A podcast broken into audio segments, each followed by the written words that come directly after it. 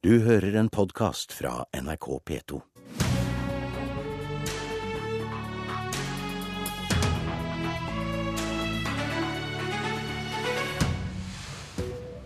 Jag var lite orolig om han skulle gjøre et jiu-jitsu-grep.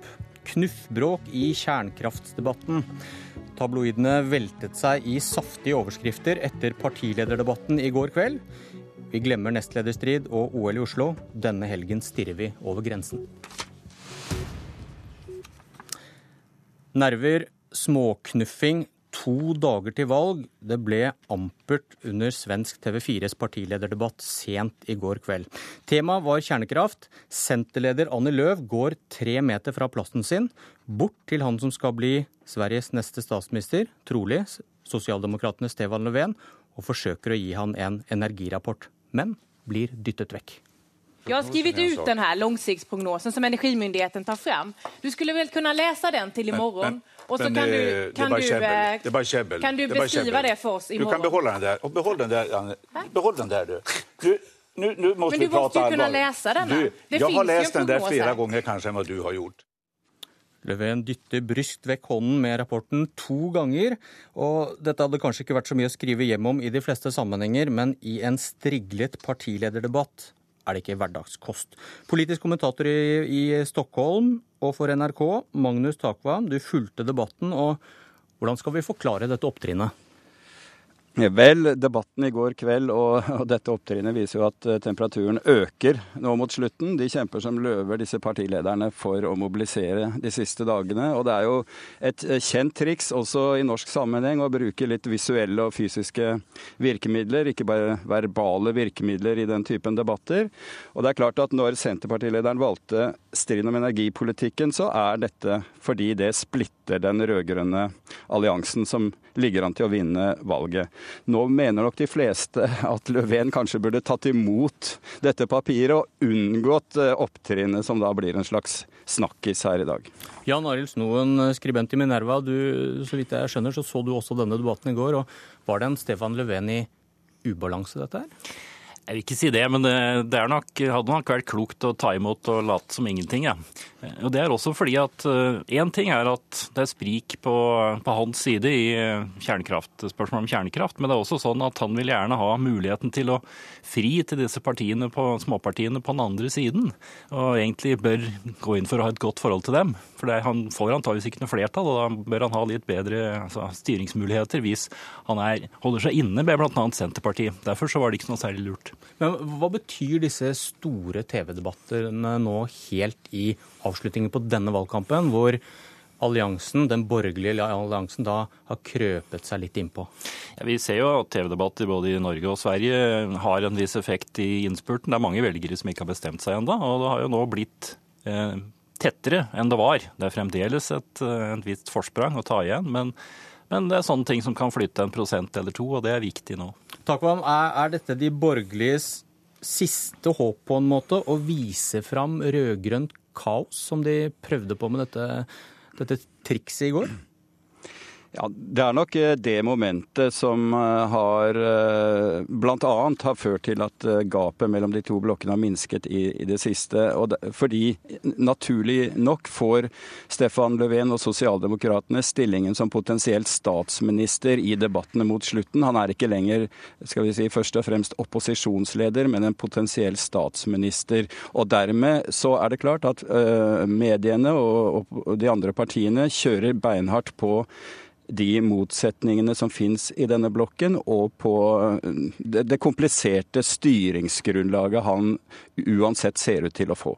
Hilde Opoku, talsperson i Miljøpartiet De Grønne. Jeg er glad for at eh, vi har deg her når det ble som det ble med denne debatten i går. Og det er deres søsterparti, Miljøpartiet, som vel er en av årsakene til dette bråket. For de skal samarbeide med Löfven i regjering hvis det går som vi tror.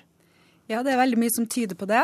Og jeg tenker jo at, Nå så ikke jeg denne debatten, men jeg tenker jo at det opptrinnet som vi fikk referert her, og kan være en posisjonering mellom de to partiene. For det er jo ingen tvil om at Miljøpartiet De Grønne går på, på, til valg på at de skal ha et, et Sverige, som er bare bygd på bærekraftig energi fram til 2030.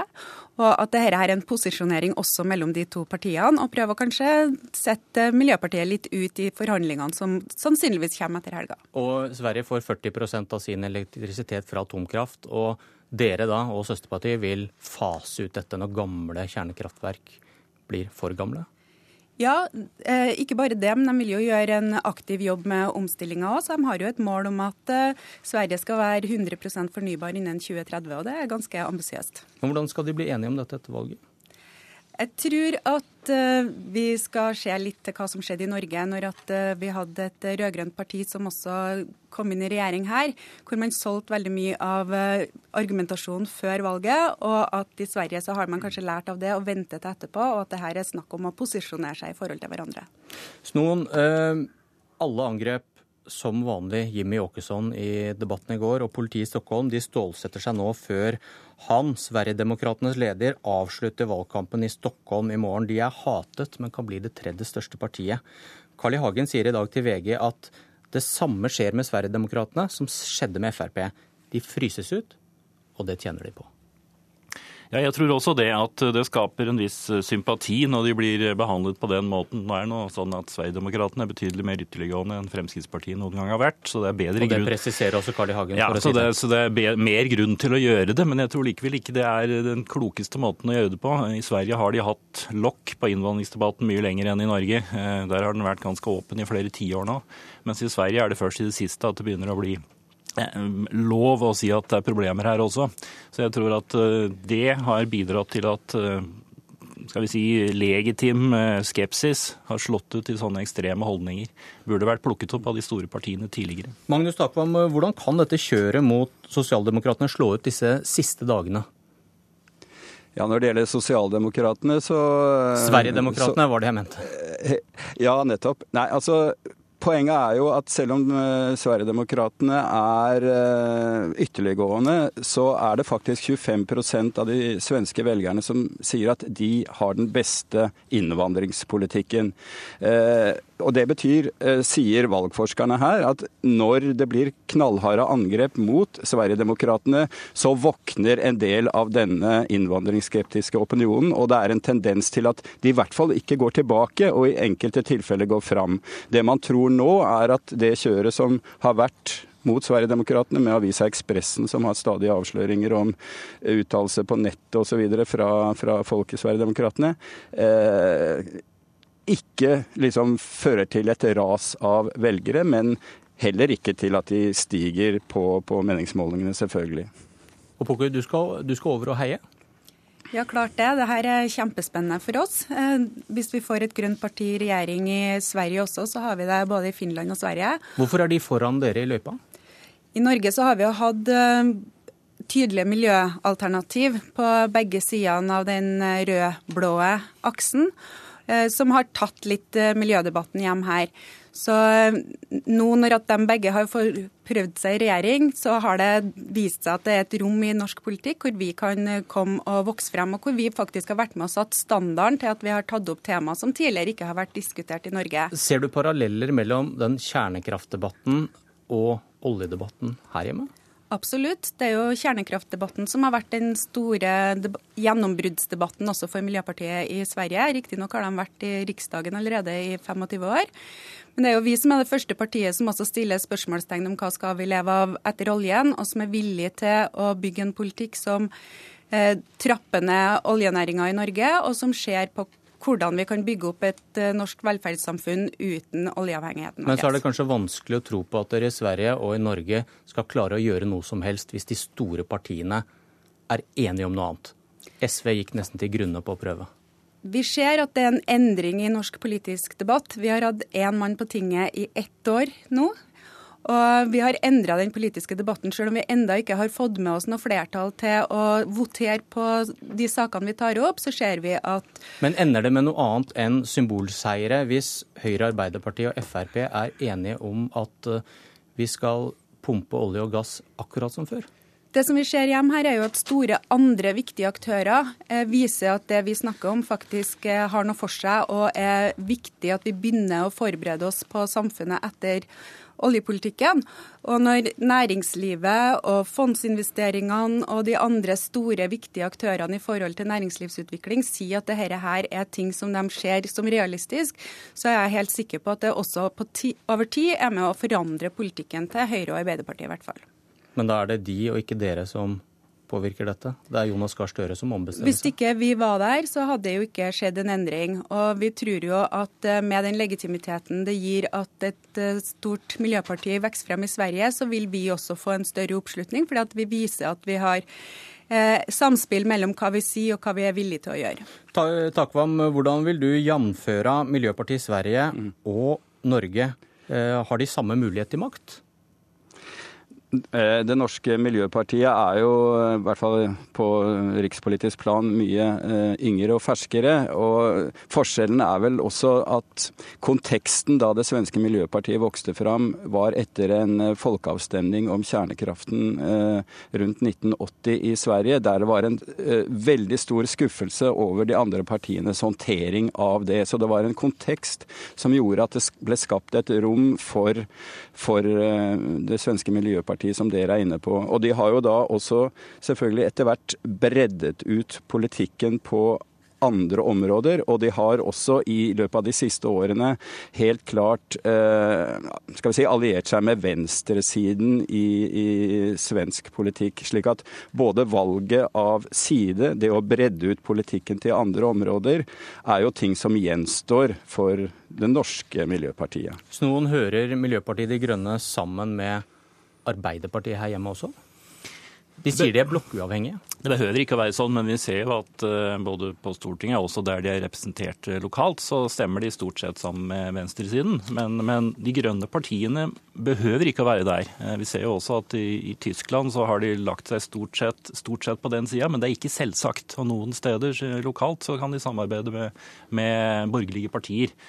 Så venstresida bør ikke ta dem for gitt. Det gir et visst altså, manøvreringsrom. På den annen side så kan det manøvrering vingling kan framstå som vingling, da. Og kort, kort i det. Eh, ligger det an til, når det nå er en borgerlig regjering i Norge, at det blir Arbeiderpartiet dere vil prøve å finne sammen med? Vi holder fast på det vi sier om at det er der vi får mest gjennomslag for politikken vår. At vi vil søke samarbeid, og det kan gå begge veiene. Eh, vi har helt klart en næringspolitikk som kanskje ligger tettere opp mot eh, høyresida. Så har vi også det som vi ikke har klart å få vist frem så godt enda her i Norge, men som svenskene har kommet lenger på. En betydelig omfordelingspolitikk som vi mener må ligge til grunn for at vi skal ha et eh, fornybarsamfunn som krever annen bruk av ressurser enn det vi har i dag. Og Der kan jo hende at det er venstresida som har mer til felles med oss. Snoen, hva kan Erna Solberg lære av det som skjer i Sverige? Jeg mener hun kan lære at du blir ikke gjenvalgt flere ganger i hvert fall, hvis du ikke tilbyr noe nytt hver gang. Eh, jeg tror alliansen kommer til å tape nå. Det er fordi de er, de er ferdig med politikken sin. De har ikke særlig mye mer å tilby. De skal bare fortsette det de har gjort. Akkurat som Erna Solberg prøvde sist hun satt i regjering. Var det det som skjedde med de rød-grønne også, mener du? eller? Ja, det tror jeg. Altså, det er vanskelig å bli gjenvalgt to ganger, altså sitte tre perioder. Eh, det er vanskelig å bli gjenvalgt i det hele tatt nå, fordi velgerne blir litt, litt lei. og de har... Eh, så du må først levere, og så må du ha noe nytt for neste periode. Det hadde Reinfeldt i 2010. Han hadde levert eh, solid på bl.a. skattelettelse, og så hadde han fremdeles noe han skulle gjøre. Og da ble han gjenvalgt. Nå er det lite igjen. Han er ferdig. Og da er han også ferdig politisk, tror jeg. Takvam, kan Støre lære noe av Löfven, som ikke går til valg på et avklart regjeringsalternativ? Altså Jeg tror Støre også neste gang eh, kommer til å gå til valg uten å ha et regjeringsalternativ, så i den forstand kan han kanskje lære noe. Men jeg tror nok en rød-grønn seier i Sverige, som, som, jeg er enig i er det mest sannsynlige, har en bismak for sosialdemokratene. De ligger an til å få eh, et historisk sett, i hvert fall, dårlig valgresultat på pluss-minus 30% I store byer som Göteborg og, og Stockholm er Miljøpartiet nesten like store. Så de har en veldig jobb å gjøre med, med sitt eget parti. Og gårsdagens debatt kan tyde på at vi bør se på morgendagens debatt også.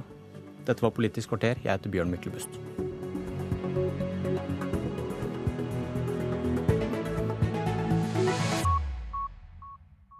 Du har hørt en podkast fra NRK P2.